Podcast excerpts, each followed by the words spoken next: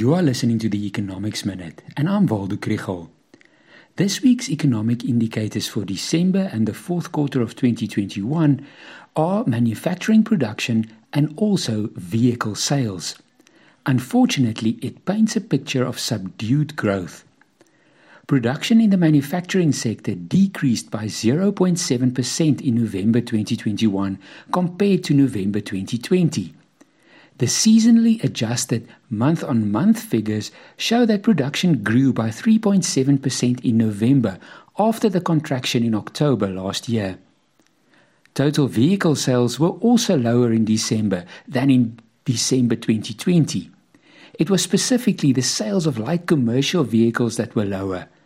Passenger vehicles and exports performed better.